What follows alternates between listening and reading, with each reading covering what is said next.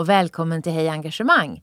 Hej Engagemang är ett initiativ som jobbar för ett mer engagerat, gladare och friskare land. Vi vill att människor ska få möjligheten att jobba med saker de brinner för. Inte för att de måste, utan för att de vill. Tillsammans kan vi skapa bättre förutsättningar för ett ökat välmående och lönsamma prestationer. Med Hej Engagemang får du träffa inspirerande personer som ger tips och insikt i hur du kan nå bättre resultat på jobbet och samtidigt må bättre. Nu kör vi! Välkomna till dagens avsnitt. Här i Engagemangspodden har vi flera gånger pratat om vad tillit har för betydelse för medarbetarnas engagemang och för en organisations utveckling. Idag ska vi fokusera ännu mer på det och förhoppningsvis få bättre förståelse för hur tillit och engagemang hänger ihop. Vi har två gäster. Laura Hartman som brinner för att skapa samhällsnytta av forskning och som är ordförande i Tillitsdelegationen. Och välkommen Anna Cederqvist, kommundirektör Vara kommun 2015 blev hon utsedd till Årets kommunalekonom för sina pedagogiska böcker om kommunal ekonomi och kommunal organisation. Varmt välkomna! Tack! Tack! Berätta, varför är det så relevant att ha båda er med i podden idag? Jag tänker så här, alltså vår offentliga sektor står inför ganska stora utmaningar med stora förändringar eftersom vår befolkning blir både äldre och yngre och vi behöver ta hand om fler som är i behov av våra resurser. Eh, samtidigt så blir det också eh, en brist på personal ute i våra verksamheter. Så vi måste tänka nytt och vi måste tänka annorlunda vi måste göra det nu. Därför finns jag här som praktiker ute i en verksamhet med 1400 anställda som levererar kommunal service. Laura? Ja, jag tänker också att vi kompletterar varandra väl. Jag har ju ägnat de senaste åren, egentligen redan tiden innan som chef inom en, en stor offentlig verksamhet, Försäkringskassan, men framförallt nu de senaste åren att skaffa mig en ordentlig helhetsbild av läget i den offentliga sektorn, mycket fokus på kommun och landstingssektorn inledningsvis och eh, eh, kan liksom uttala mig med de perspektiven eh, och sen precis som Anna säger är det ju jättebra att ha ännu mer liksom konkreta exempel och lite mer kött och blod i form av någon som faktiskt ansvarar och jobbar operativt i de här verksamheterna. Så du Laura får stå för systemnivån och du Anna får stå för praktiska erfarenheten. Ja, fast då skulle jag vilja också säga att jag har ju verkligen ansträngt mig extra i det här tillitsdelegationsuppdraget att det inte förblir någon slags ja men vi sitter här i, på ett kontor i Stockholm och läser böcker och tittar ut utan jag har ju kastat mig hejvilt in i verksamheterna och ägnat stor del av tiden ute i, i verksamheter i dialog med alla från medarbetare, brukare till chefer och politiker. Då får du Laura också komma med praktiska erfarenheter och exempel. Allra först, hur, hur definierar ni tillit? Vill du börja Anna? Ja, tillit för mig det är att eh, lita till och lita på den enskilda medarbetarens förmåga och att vilja ta ansvar och förbättra sin verksamhet. Och också kommunicera ansvaret tillbaka. Handlar det om att lita på sig själv också? Litar du på dig själv till exempel? Ja, det handlar också om att leda sig själv. Om man ska vara ledare i en organisation där man leder med tillit så måste man också ha tillit och mod och styrka i sig själv. Och självtilliten är ju jätteviktig här. Ja, tillit kan ju betyda många olika saker i olika relationer men det, det begrepp av tillit som Tillitsdelegationen har jobbat med och kring eh, handlar om tillitsvärdighet i de professionella relationerna som ett arbetsliv består av. Eh, och då handlar det om att göra sig själv och främja andras eh, tillitsvärdighet och det i sin tur menar vi bygger på tre förmågor eller tre egenskaper där den ena är just själva förmågan, kunnandet, att man kan sitt arbete. Och när man bedömer den andras tillitsvärdighet så, så bedömer man hur, vilken förmåga har den andra parten. Är den av den anledningen värd att, att lita på i detta samarbete som vi ska ingå. Det andra viktiga begreppet och vad vi bedömer är då integriteten. Kan man stå för det överenskomma och kan man liksom, ja, vi alla vet vad integritet betyder. Vågar man stå upp för gemensamma överenskommelser? Och för det tredje så handlar det om hjälpvillighet, det vill säga viljan att bidra till det gemensamma, vilja, vilja den andra väl. Och återigen, det är det vi bedömer hos den andra parten. Hur stor är sannolikheten att den, den vill det här gemensamma åtagandet väl. Eh, och då baserat, och det här, den, den här bedömningen menar vi gör man antingen medvetet eller omedvetet, alltid när man ingår i olika professionella relationer. Och sen eh, till syvende och sist så tar man naturligtvis en risk i, man har ju sällan full information om det här. Men man är mer eller mindre benägen att ta den här risken och att välja tillit som ett förhållningssätt och utgångspunkt handlar också om att vara mer, att vara mer villig att ta den risken. Eh, att utgå att den andra är, är tillitsvärdig. Men det är klart att förr eller senare kommer ju en återkoppling och då ser vi om, om det höll, om det stämde och gjorde det då är vi ju på en bra tillitsbyggande väg. Men håller det inte så får man ju börja om från början. Det handlar mycket om ett decentraliserat ansvar där inte någon annan kommer i efterhand och mäter tillitsgrad eller eh, effekt utan det är de här parterna som eh, har med varandra att göra som också ska hjälpa varandra att nå ett resultat. Är det det du säger? Ja, egentligen har jag ännu inte varit så mycket inne på själva vad betyder det här i styrningen och ledningen utan allt någonstans börjar i det här att vi vi jobbar eh, alla i en organisation med vår, för att vi ska kunna styra och leda en organisation mer tillitsbaserat så behöver vi på olika sätt stärka allas tillitsvärdighet. Vår egen och som chef andras tillitsvärdighet. Återigen, kunna göra jobbet, våga göra jobbet, vilja hjälpa varandra eh, och har det som ett aktivt förhållningssätt. Och sen betyder det i praktiken en, en, en himla massa saker hur vi utökar handlingsutrymmet. När vi vågar utgå ifrån att du kan ditt arbete, då behöver vi inte detaljstyra det så mycket och så vidare. Det ska vi prata mycket mer om, men först har vi ju nämnt tillitsdelegationen flera gånger nu. Laura, du är ordförande. Eh, vad är syftet med den här delegationen så att vi förstår? Ja, syftet eh, är att eh, bidra till en mer, eller främja en mer tillitsbaserad styrning och ledning av offentlig sektor. Och delegationen är en central del i det som jag vet inte om man ska säga den tidigare regeringen just nu, eh, interimregeringens eh, arbete under den gångna mandatperioden att, eh, som de kallar för tillitsreform där vi verkligen vill åstadkomma, man verkligen vill åstadkomma detta, styra och leda på ett sätt där man bättre tar tillvara medarbetarnas, verksamheternas kompetens och det sker genom att minska på, på detaljstyrningen och därmed liksom de onödiga administrativa bördorna och, och, eh, och allt och toppstyrningen annat. alla, kan vi säga. Ja, toppstyrningen, allt annat ont som kommer av att vi vi någonstans liksom högt upp i hierarkin definierar för detaljerat vad som ska göras och då tillvaratar vi inte den kompetensen. Så det är det liksom övergripande syftet och sen har man tillsatt en, en delegation just det att dels förse offentlig sektor med kunskap om vad det här betyder i praktiken. Eh, och då har vi jobbat i väldigt tätt samarbete både med eh, olika verksamheter som sagt. Allt från brukare, medarbetare till, till chefer och, och politiker. Och forskningen, för att det finns ju mycket kunskap redan fanns redan innan delegationen tillsattes i både om problembilderna men också möjliga lösningar och, och då har vi skapat plattformar för att de här två två ska också mötas. Och, eh, så dels har vi liksom, vårt uppdrag varit att, att ta fram mer kunskap och, och publicera det i slutändan eller presentera det i form av betänkanden som sammanfattar den här kunskapen. Men en minst lika viktig del av arbetet har varit det här främjandet redan under arbetets gång, det vill säga samla olika aktörer, lyfta fram goda, lovande exempel, låta också forskare följa ett antal exempel lite särskilt noga så att vi eh, på något sätt blåsa varmluft eller, eller sätta lampan, rikta lampan på de verksamheter som, som är på gång i den här riktningen för att därigenom också inspirera och sprida kunskap till andra så att fler kan kan börja röra sig i den riktningen.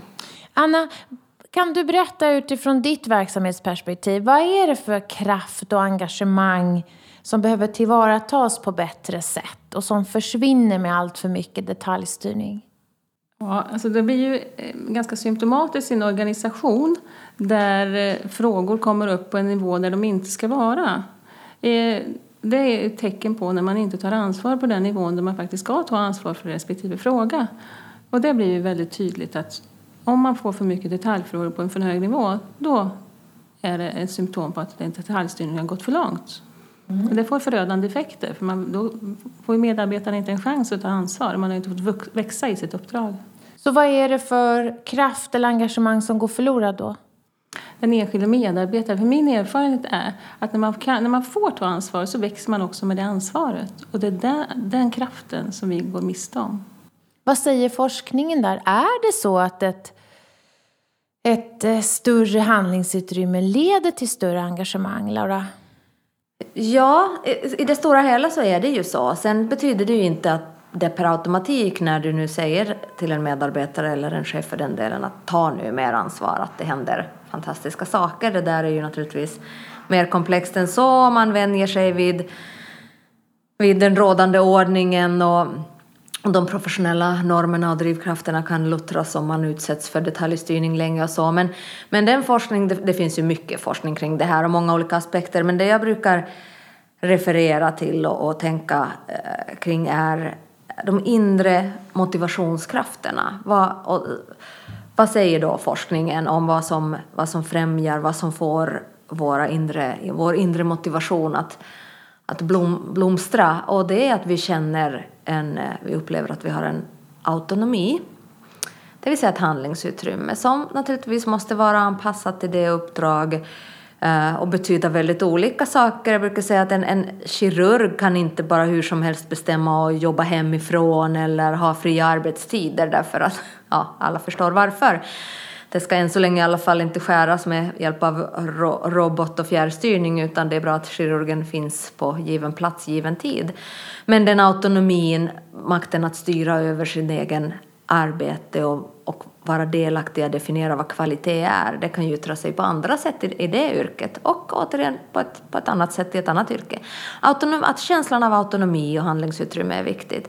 Sen är ju meningsfullheten i arbetsuppgifterna en viktig sån här drivkraft för inre motivation och, och det brukar också säga att det är offentlig sektor och våra uppdrag har ju det nästan gratis. Det behöver vi liksom inte, egentligen inte jobba så mycket med. Men det är klart att man kan främja den känslan också genom att medarbetarna får vara delaktiga att diskutera vad är liksom det stora uppdraget eh, eller vad är det uppdraget i stort som vi, vad är min pussel, hur hänger min pusselbit med, den, med, med helheten. Och sen den tredje som är viktigt för den inre motivationen är det som på engelska kallas för mastery. Och jag har inte riktigt någon bra översättning men jag brukar brukar kalla det för möjligheten att utöva och utveckla sin yrkesskicklighet. Kan man säga spetskompetens? Nej, egentligen inte tror jag att det är spetskompetens utan det handlar, det kan vara i vilka arbetsuppgifter som helst, att man känner att man kan verkligen utöva och använda sig av den kunskap, den utbildning, den erfarenhet man har men man också kan utveckla det, man kan vara lite, liksom glänsa lite extra ibland när man känner att nu har jag liksom rört mig framåt och utvecklats. Och det där är ju möjligtvis det som, man, vi har varit inne på det här med det minskade handlingsutrymmet på grund av detaljstyrning. Men, men det som också händer är ju att den här möjligheten, och det är det jag tycker det som Anna säger här, att man utvecklas inte. När man inte får det ansvar, då kan ju inte mastery heller glänsa. Och då, bara för att summera, så alltså det, när de här, det, det vet man också, och det finns det mycket forskning på, att när de här bitarna är på plats, då presterar vi bättre helt enkelt. Då mår vi bättre, då presterar vi bättre och dessutom blir betydelsen av de ex, om man säger, yttre motivationsfaktorerna eh, mindre viktig. Eller om vi vänder på det, om du har en väldigt liksom, om inte de här inre motivationsbitarna är på plats och om man inte styr på dem, då blir lönen och alla andra yttre, yttre faktorer mm. blir så, så mycket, mer, mycket viktigare. Eh, och då vet vi att verksamheter som styrs väldigt hårt på och där medarbetarna också triggas bara av de här yttre, det är inte alls säkert att det blir det bästa resultatet. Framförallt inte i, i offentliga verksamheter där kanske inte just pengar är det centrala. Och jag tänker Anna att faktor två, eh, som Laura beskrev, är mening. Och en meningen kommer av sig själv säger hon, av att man jobbar med meningsfull verksamhet. Men om du bara sitter och jobbar med styrning, uppföljning och fyller i olika typer av styrdokument, då får du ju inte ägna dig åt det som du tycker är meningsfullt. Kan det hända? Det händer allt för ofta skulle jag vilja säga i vår verksamhet. Alltså det, det är lärare, personal till exempel som tycker att man får administrera för mycket och våra vårdpersonal som också tycker att man får administrera för mycket. Och de drivs ju av att finnas för eleven, att finnas för omsorgstagaren eller den äldre personen. Det är där som de får sin motivation och där måste vi öka det utrymmet. Och, um, kan du berätta mer Anna, hur du ser i din verksamhet att skillnaden kommer bli i arbetssätt nu. Om vi tar bort mycket av den här detaljstyrningen och verksamheterna tillåts att både sätta sina mål och styra mer autonomt och medarbetarna känner större handlingsutrymme. Hur kommer det förändra arbetssättet tror du? Mm. Jag skulle vilja börja med att säga så här att det handlar ju inte om att inte jobba med uppföljning utan vi behöver jobba med uppföljning i alla fall. Men det handlar om att ta bort lite kontrollmoment i vardagen. Vi behöver ju inte fråga kanske så mycket hur processerna ser ut utan snarare hur resultaten är. Det räcker med att fråga just det och ställa de viktiga frågorna. Eh, hur arbetet kommer att förändras? Jo, det kommer att förändras både på ledarnivå och medarbetarnivå. Eh, man kommer att kunna ta ett ansvar men det kommer också krävas förutsättningar för att ta ett ansvar. Det måste finnas ledare som också jobbar coachande och stödjande. Som vågar visa tillit och inte tala om hur ett arbete ska, ska göras eller borde göras utan låta, det ansvaret vila på en, den enskilda medarbetaren. Och vara trygg i sig själv, att, att jag själv som ledare inte vet hur den här resan exakt kommer sluta. Var trygg och lita till på den processen att vi gör det här tillsammans. Det är ett annat sätt att leda, ett annat sätt att förhålla sig. Vad behövs det mer för organisatoriska förutsättningar för att det ska fungera? Jag tror att man måste som ledare vara väldigt nära sina medarbetare. Och då innebär det att man kan inte ha allt för många medarbetare. Jag har erfarenhet från min verksamhet där jag har sett chefer med 76 medarbetare. 76? 76. Då finns det inte en chans att finnas nära och leda och stötta och coacha och kunna kommunicera i vardagen. Och därför tror jag att vi måste ska ha lagom stora enheter, alltså så cheferna får en verklig förmåga att coacha och stötta sina medarbetare. Vad säger forskningen här, Laura, och vad säger era erfarenheter om, om vilket ledarskap som främjar en, en eh, mer autonom arbetsgrupp? Jag håller mycket med om det som Anna säger. Eh, och jag tror att det här kommer att innebära en ganska stor förändring i ledarskapet. Eh, jag tror dessutom att, många chefer, eh, inte alla, men många chefer vill leda på det här sättet som, som Anna beskriver och som passar bra i, i den tillitsbaserade styrningen och ledningen, det vill säga just vara leda förståelsen för det gemensamma uppdraget, mycket dialog, mycket feedback, leda det kunskapande, det är ett, mitt nya favoritord för att en av våra forskningsledare brukar prata om det, att det är det som sker i en sån här styrmodell eller i en sån här kontext där vi inte detaljstyr våra medarbetare utan snarare frigör den kreativiteten och den, den kunskapen eh, som finns hos dem och, och samtidigt också skapar liksom en ständig kunskapsutveckling ute i, i kapillärerna som idag hämmas av att man gör det som står i den detaljerade riktlinjen. Uh, Så lärandet borde öka? Det, det, det här, liksom, en central del i en sån här styrning och ledning är ju det som vi ofta kallar för lärande organisation. Och då måste ju chefen känna en, en trygghet i att det sker en massa kunskapande, kunskapsproduktion där ute som inte jag har koll på, som inte jag ska styra på eh, och tala om då för dem. Men däremot måste jag skapa de här förutsättningarna för den här, det, här, det här arbetssättet. Säkerställa att det, att det sker och fånga saker därifrån som jag för uppåt i, om vi tänker en traditionell liksom, hierarki. Ja, om vi hårdrar det lite så så dagens chefer på många håll fortfarande, eller den styrning och ledning som vi utövar handlar om att ja, men man omsätter väldigt mycket de olika målen och annat, bryter ner det och, och talar om, fördelar arbete neråt i hierarkin och sen rapporterar uppåt det som har gjorts. Och här handlar det ju någonstans om att vända på det perspektivet och, och som chef fånga saker från detta ständiga kunskapande och när medarbetarna identifierar saker som behöver göras annorlunda och så är det mitt ansvar som chef att verkligen säkerställa, föra dem uppåt i organisationen ända till politikernas bord eller vad var det nu än hör hemma den frågan så att vi kan ständigt liksom skapa bättre förutsättningar att göra ett bra jobb. Plus att högsta ledningarnas eh, absolut viktigaste uppdrag här blir att vara väldigt tydlig och sparsam eller tydlig i sina prioriteringar och sparsam i fokusområden och mål och sådär för att rensa och ensa och förtydliga liksom vad är det, vad är det, var vill vi se en förflyttning? Och sen, vad är det nyckeltal? Ja, och sen det här grunduppdraget, god vård, god omsorg, god skola, behöver man verkligen målsätta det högst upp? Alltså det är väl något som helt enkelt ska rulla och gå och det har ju professionen egentligen rätt bra koll på hur, hur det jobbet görs på ett bra sätt. Anna, går det att träna de här ledarförmågorna? Det tror jag. I Vara kommun så håller vi just nu på att implementera en ny ledningsfilosofi som bygger på ett coachande, tillitsbaserat ledarskap med dialog och delaktighet. Bygger på ett kommunikativt ledarskap och vi har bestämt oss att vi ska bli bättre. Så att samtliga ledare får under det här året gå ett, eh, genomgå ett ledarutvecklingsprogram som vi kallar för träningsläger. För jag tror att man måste träna på att leda om och om igen. Berätta, vad, vad innehåller de första delarna? För nu har ni ju gjort det några månader. Ja, vi har kommit igång precis här.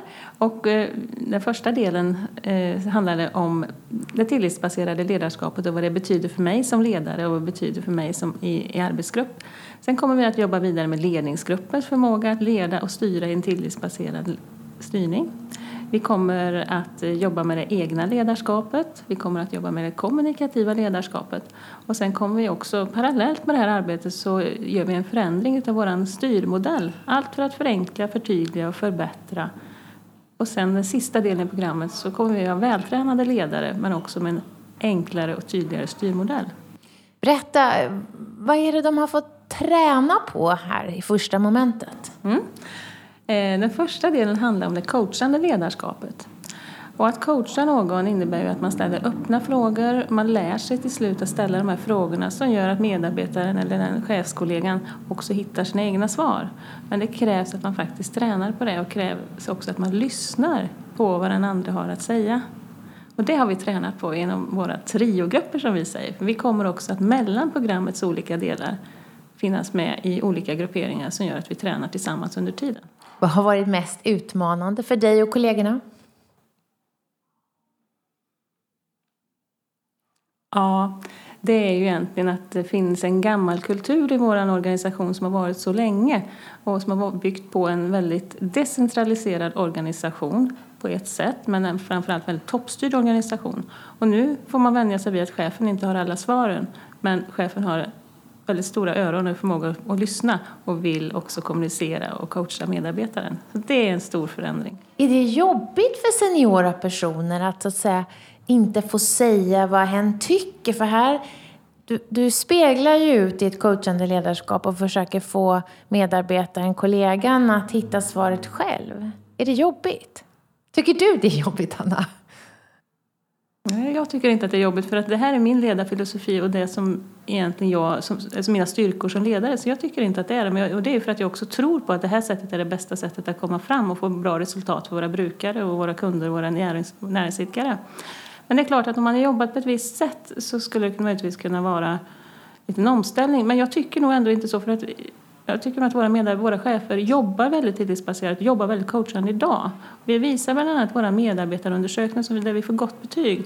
Men jag tror också att de här förmågorna måste man ständigt utveckla och därför är det bra att ha träningsläger. Jag gillar ordet träningsläger. Har ni utvärderat första steget? Ja, det har vi gjort. Då vill vi veta. Ja. Vad, vad säger ledarna som har gått igenom? Vad har de eh, tyckt har varit eh, värdefullt och relevant? Ja, vi har gjort en, en utvärdering och får ju väldigt höga resultat på den första delen i den här ledarutvecklingsprogrammet. Och det man tycker är väldigt bra det är ju den teoretiska anknytningen där vi också har utgått från tillitsdelegationens underlag. Man ser också positivt att man får ta så mycket tid till det egna lärandet. Och man ser också att man har eh, just att engagemanget har varit så brett och att det är samtliga ledare i våra kommun som går. Det har också varit väldigt positivt. Laura, vad ser du som tittar ut över Sveriges eh, olika organisationer, offentliga organisationer och kommunerna? Vad ser du för andra eh, initiativ vad det gäller ledarutveckling som du, där du kan belysa några lärdomar som kan vara relevanta för våra lyssnare? Ja, alltså jag blir så himla glad av den här berättelsen och vad som händer i Vara kommun. För det är ett sånt utmärkt exempel på tror jag, som man, man behöver jobba jobba vidare med. Eh, och det är som tur inte det enda stället där det sker. Eh, många har insett eh, att det, det med ledarskapet mycket börjar i. Sen ska man inte på något sätt underskatta av just det här som Anna också är inne på att vi behöver nog anpassa vår styrmodell också. Alltså verkligen se över delegationsordningar, se över hur vi sätter vem rapporterar till vem, vilka sätter vilka mål, måste, bryter vi ner dem, vad är vår uppföljningsstruktur? Allt det här eh, hänger ju ihop, liksom man kanske också stöter förr eller senare på frågan är vi organiserade på det mest ändamålsenliga sättet eller skulle vi behöva anpassa organisationen också? Men, men det jag, de goda exempel tycker jag, som jag vill lyfta fram är ställen där man har insett att det är inte i själva styrmodellen som vi måste börja eller organisera om. Vi har haft lite för mycket av tro i att bara vi flyttar på lite klossar och ritar om organisationskartan så kommer vi att få den ändamålsenliga. Att man, man skiftar från horisontellt till vertikalt och någon slags matris förblir det ju alltid men man flyttar ansvar och, och flyttar gränser. Uh, och att här, för att få det här att funka så behöver vi ge ett större, en större vikt och inslag i, i de som vi ibland kallar för mer mjuka delar. Jag tycker inte vi ska kalla dem för mjuka för de är så himla viktiga. Alltså ledarskapet, normer, värderingar, kulturen på våra arbetsplatser och få igång den här dialogen och, och stärka den här för, förmågan också att identifiera då gemensamt. Det behöver inte vara den högsta ledningen som ritar om med hjälp av några konsulter eller den nya organisationen utan när man får igång det här arbetet som Anna beskriver då kommer ju de här ledningen kommer att överösas av om de öppnar upp sig och blir mer lyssnande och coachande kommer att överösas av olika behovsbeskrivningar och idéer om hur, hur vi skulle vilja jobba. För att jag ska kunna jobba på ett bästa sätt så behöver jag det här och det här. Uh, och då kommer man ju få goda idéer och så småningom kommer i den idealfallet så kommer liksom organisationen på något sätt vara bara så här, det kommer nästan falla på plats av sig mm. själv. Riktigt så enkelt behöver det inte vara. Mm. Ja, precis. Och om vi inte skulle eh, kalla det för mjuka faktorer, vi kanske skulle kunna säga avgörande faktorer, mm. så låter det mera viktigt. Jag skulle kunna säga så här, att som ledare så brukar jag säga att jag sprider värderingar. Det är mitt viktigaste uppdrag, att jobba värderingsstyrt.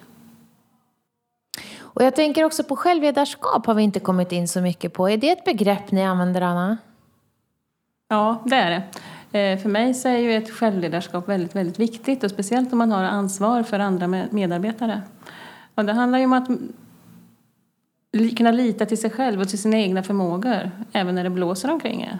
Och också ha mod att lita till sig själv. Och det är också en sorts tillit. Vad har ni för träningsprogram för det? Ja, det har ju chefscoachning och där har vi också bildat våra grupper på chefsnivå så vi kommer att coacha varandra till att våga ta mer ansvar också i ledarskapet. Vad vet vi om självledarskap och vad som, hur vi kan träna självledarskap eh, på en mer, eh, på mer organisatorisk nivå, Lara? Mm, oj, det är säkert en, en fråga som jag inte har alla exakta forskningssvaren på det här. Men, men det jag Tänk, vi, i delegationen laborerar vi ju med begreppet medledarskap som egentligen är, är, helt samma sak. Jag personligen kanske gillar det ordet ännu lite mer än självledarskap för att det andas också det här gemensamma ansvarstagandet. För mig i min ledarfilosofi så, så är det här samarbetet, det kollegiala, jag har ju liksom en akademisk bakgrund så ordet kollegialt kommer mycket därifrån, men kollektivt gemensamt ansvarstagande för kvaliteten, för arbetet är så otroligt central betydelse. Det är ju också grunden i den här tillitslogiken att styra och leda, att man tar ett gemensamt ansvar. Man kontrollerar varandra eh, istället för att det kommer liksom en extern kontrollfunktion eller som vi rapporterar uppåt så, så skapar vi former där vi kan utveckla varandras kvalitet och då då blir vi ju medledare. Då tar vi det här återigen, det här, får vi det här handlingsutrymmet och möjligheten till, till att utöva och utveckla vår yrkesskicklighet. Så vi kommer tillbaka till de här liksom inre motivationsfaktorerna. Uh, sen så må, för att främja det i en organisation så måste man absolut jobba med, med ledarskap, alltså de formella cheferna, för att de kan bli möjliggörare eller hinder för att detta medledarskap ska växa fram. Men jag tror att man behöver också jobba med alla medarbetare eh, på olika sätt. Inte bara att den, den chefen tar det samtalet och coachar fram det utan eh, jag, jag, min önskebild någonstans är att nästa steg, för jag vet att väldigt många, och jag besöker många kommuner också, olika chefsdagar där man tar upp den här frågan. Och jag tror att det är helt rätt att man börjar i, på chefsdagar. Men i någon nästa form. Nu är det ju gigantiskt stora organisationer som en medarbetardag med 7000 medarbetare eller, eller så blir ju svårt men att, att man, man breddar den här diskussionen och kan verkligen ta det i medarbetarledet också tror jag är viktigt. Jag säga att tillitsbaserad styrning är en sorts vision som också ska omsättas i praktiken och det blir en förändringsresa och det blir kanske en kulturförändring i många organisationer. Um, hur jobbar ni med den kulturförändringen, Anna? Ja, för oss i Vara så har det varit viktigt att ha alla medarbetare med på tåget. Och därför hade vi under 2017 en verksamhetsutveckling. Och vi fortsätter den resan som en verksamhetsutveckling. Eh, men det innebär att vi hade alla medarbetare på internat i tre dagar där vi jobbar på grupputveckling och vi jobbar också på medarbetarnas kärnkvaliteter, att utveckla dem tillsammans med gruppen. Kärnkvaliteter, vad betyder det? Eh, att titta på vad som är ens drivkrafter, sina styrkor och också vad som blir då ens fallgropar i en grupp och hur man förhåller sig till det när man utvecklar både verksamhet och sig själv.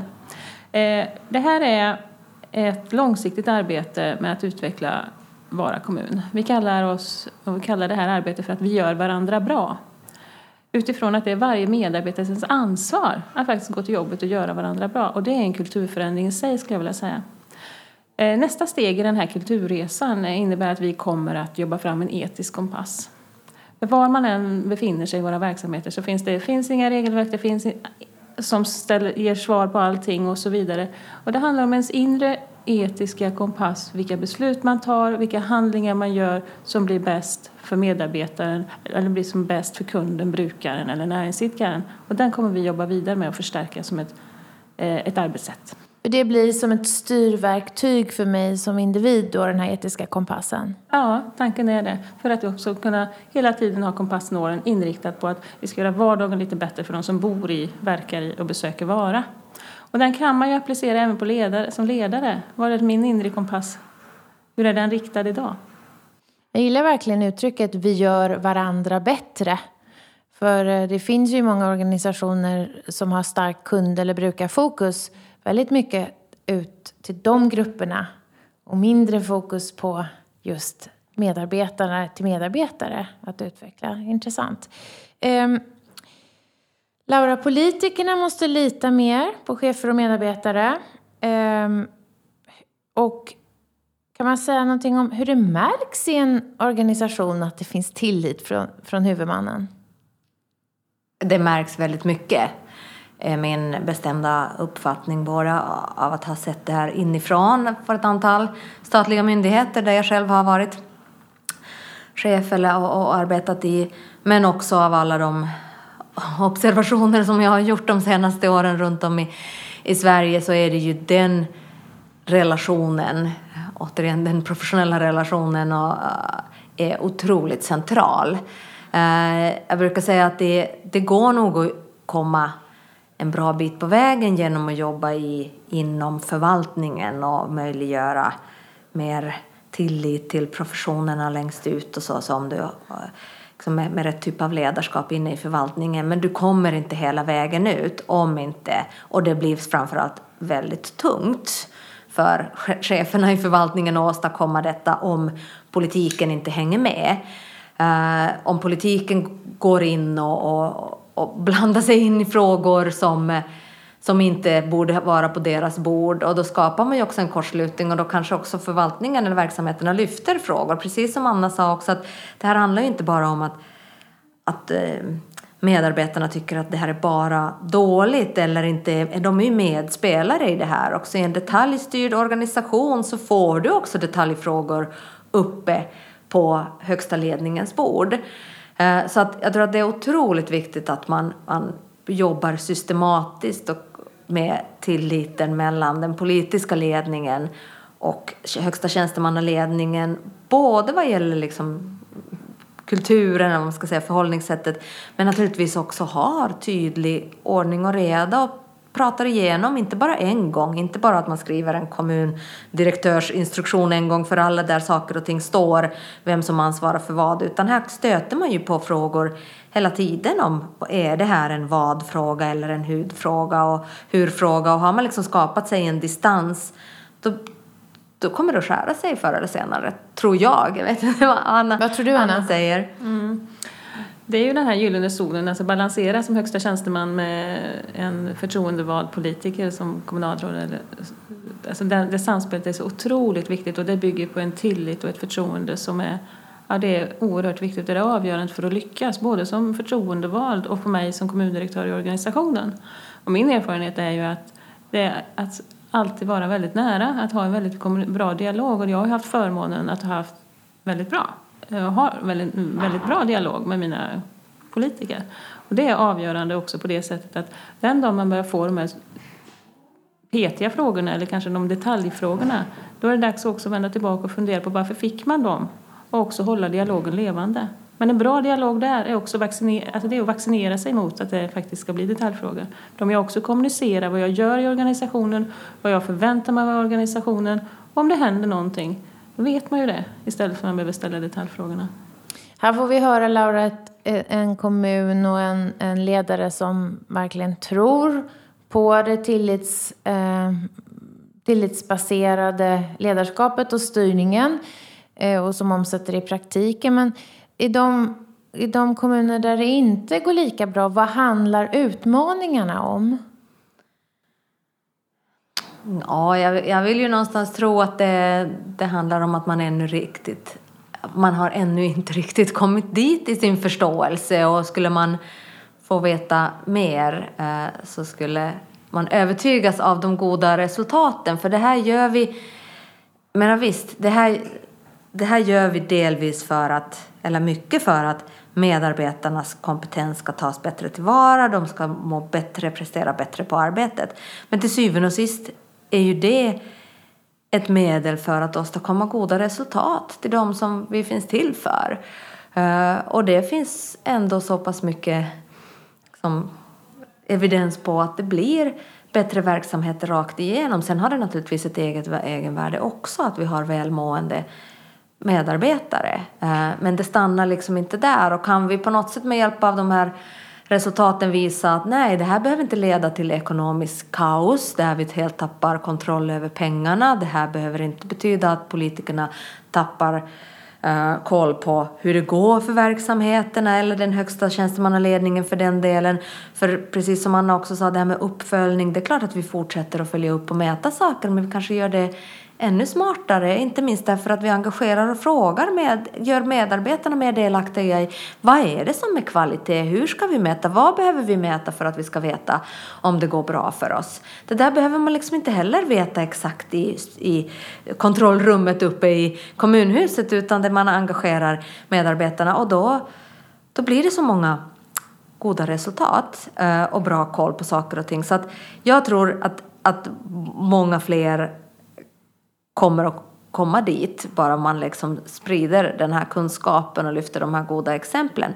Sen kan det ju finnas, jag menar det här visst, det här förutsätter en viss typ av ledarskapsfilosofi från högsta ledningarna. Och har man inte den ledarskapsfilosofin men fortsätter att vara högsta ledning, i en stor offentlig organisation, då tror jag inte att man kommer att se så mycket förändring i den organisationen och det får ju politikerna då till syvende och sist naturligtvis fråga, vill vi ha det så? Eller vill vi ha en annan typ av kommundirektör eller generaldirektör? Eller så har vi politiker som allra högst upp liksom inte vill se detta och då får väl kommuninvånarna fråga sig om vi vill ha de politikerna där. Så att ska, man ska inte vara naiv att det här är en rörelse som bara per automatik kommer att ta, ta över men även de mest inbitna liksom kontrollmänniskorna som vill ha ordning på ekonomi och resultat borde väl förstå att vi har inte skapat ordning över vare sig pengar eller resultat genom att detaljstyra hårdare. Så kanske dags för eller senare att pröva en annan modell och då tycker jag att de ska pröva den här modellen. Vad tror du Laura mer att vi kommer få se för effekter på lärandet och på vilket sätt kommer vi att få ny kunskap av att vi förändrar sättet att styra? En central del i, i den tillitsbaserade styrningen och ledningen är ju kunskapsutveckling. Tillitsdelegationens begreppsapparatur bygger på liksom tre, sju vägledande principer som man behöver jobba med för att stärka den tillitsbaserade styrningen och ledningen. Och en av dem är kunskapsutveckling. Och, och det betyder bland annat att man organiserar arbetet uh, på det här sättet att den, den ständiga kunskapsutvecklingen, det kollegiala kunskapandet får ett utrymme. Uh, det vill säga, hur använder vi våra arbetsplatsträffar? Hur mycket pratar vi om Uh, hur mycket delar vi med oss våra kniviga fall och frågor och öppnar upp oss för våra kollegor. Att, hur tänker du? Vad skulle du göra? Uh, hur kan jag utvecklas i mitt arbete? Kan du komma och medlyssna mina möten? Kan du komma och titta in i min låda? Och det kräver ju en öppen, öppet förhållningssätt naturligtvis. Men och det där kan man ju, har man ju väldigt stor betydelse hur chefen leder och den verksamheten om man möjliggör detta. Men det är också en annan viktig del är ju det som vi har gjort lite grann inom ramen för tillitsdelegationens arbete. Alltså vi har gjort det rätt mycket men det är en, det är en väldigt liten droppe på total, nämligen det här att låta forskare följa verksamheter, dra slutsatser, förmedla sen kunskaperna tillbaka till verksamheterna. Vad kan ni göra? Det här är en gåva, här är en kunskapsgåva. Den kanske gör lite ont därför att vi upptäcker saker som ni inte gör så bra. Men eh, det här kan du ju använda för att använda så att jag tror att det finns ett stort utrymme, vilket som tur sker en hel del sådana initiativ. Jag råkar sitta i en, en forskningsstiftelsens styrelse som har med hälsa, arbetsliv och välfärd att göra och där finns ju en del satsningar på att, att till exempel öppna upp en forskarskola för socialsekreterare, satsa medel för praktiknära forskning i socialtjänsten och andra välfärdsområden. Och det här tror jag vi behöver mer av och det kräver också av verksamhet. Dels kräver det kanske vissa statliga initiativ för att göra det här på bred front, men det kräver minst lika mycket öppenhet och att öppna upp sig från verksamheternas sida och kunna våga, för som sagt det kommer att göra lite ont, men det kommer att ge så himla mycket om man har den liksom lärande attityden. Och det välkomnar vi från organisationerna ute. Alltså vi vill ha ett forskningsbaserat synsätt och liksom metoder som är kvalitetssäkrade. Så det här blir väldigt, väldigt bra för oss. Och har man den lärande organisationen och den kulturen så går det ju att ta till sig den typen av kunskap också. Vi hoppas att ni kära lyssnare tar till er mycket av det som sägs i podden. Eh, vi hoppas att ni har haft ett bra avsnitt och säger tack för idag. Vi hoppas att vi har väckt tankar om hur du kan bidra till ett mer engagerat Sverige. På hejengagemang.se kan du hitta mer inspiration och tips kring hur du som individ, ledare och organisation kan jobba för att skapa ett ökat engagemang, välbefinnande och nya resultat. Tack för att du har lyssnat!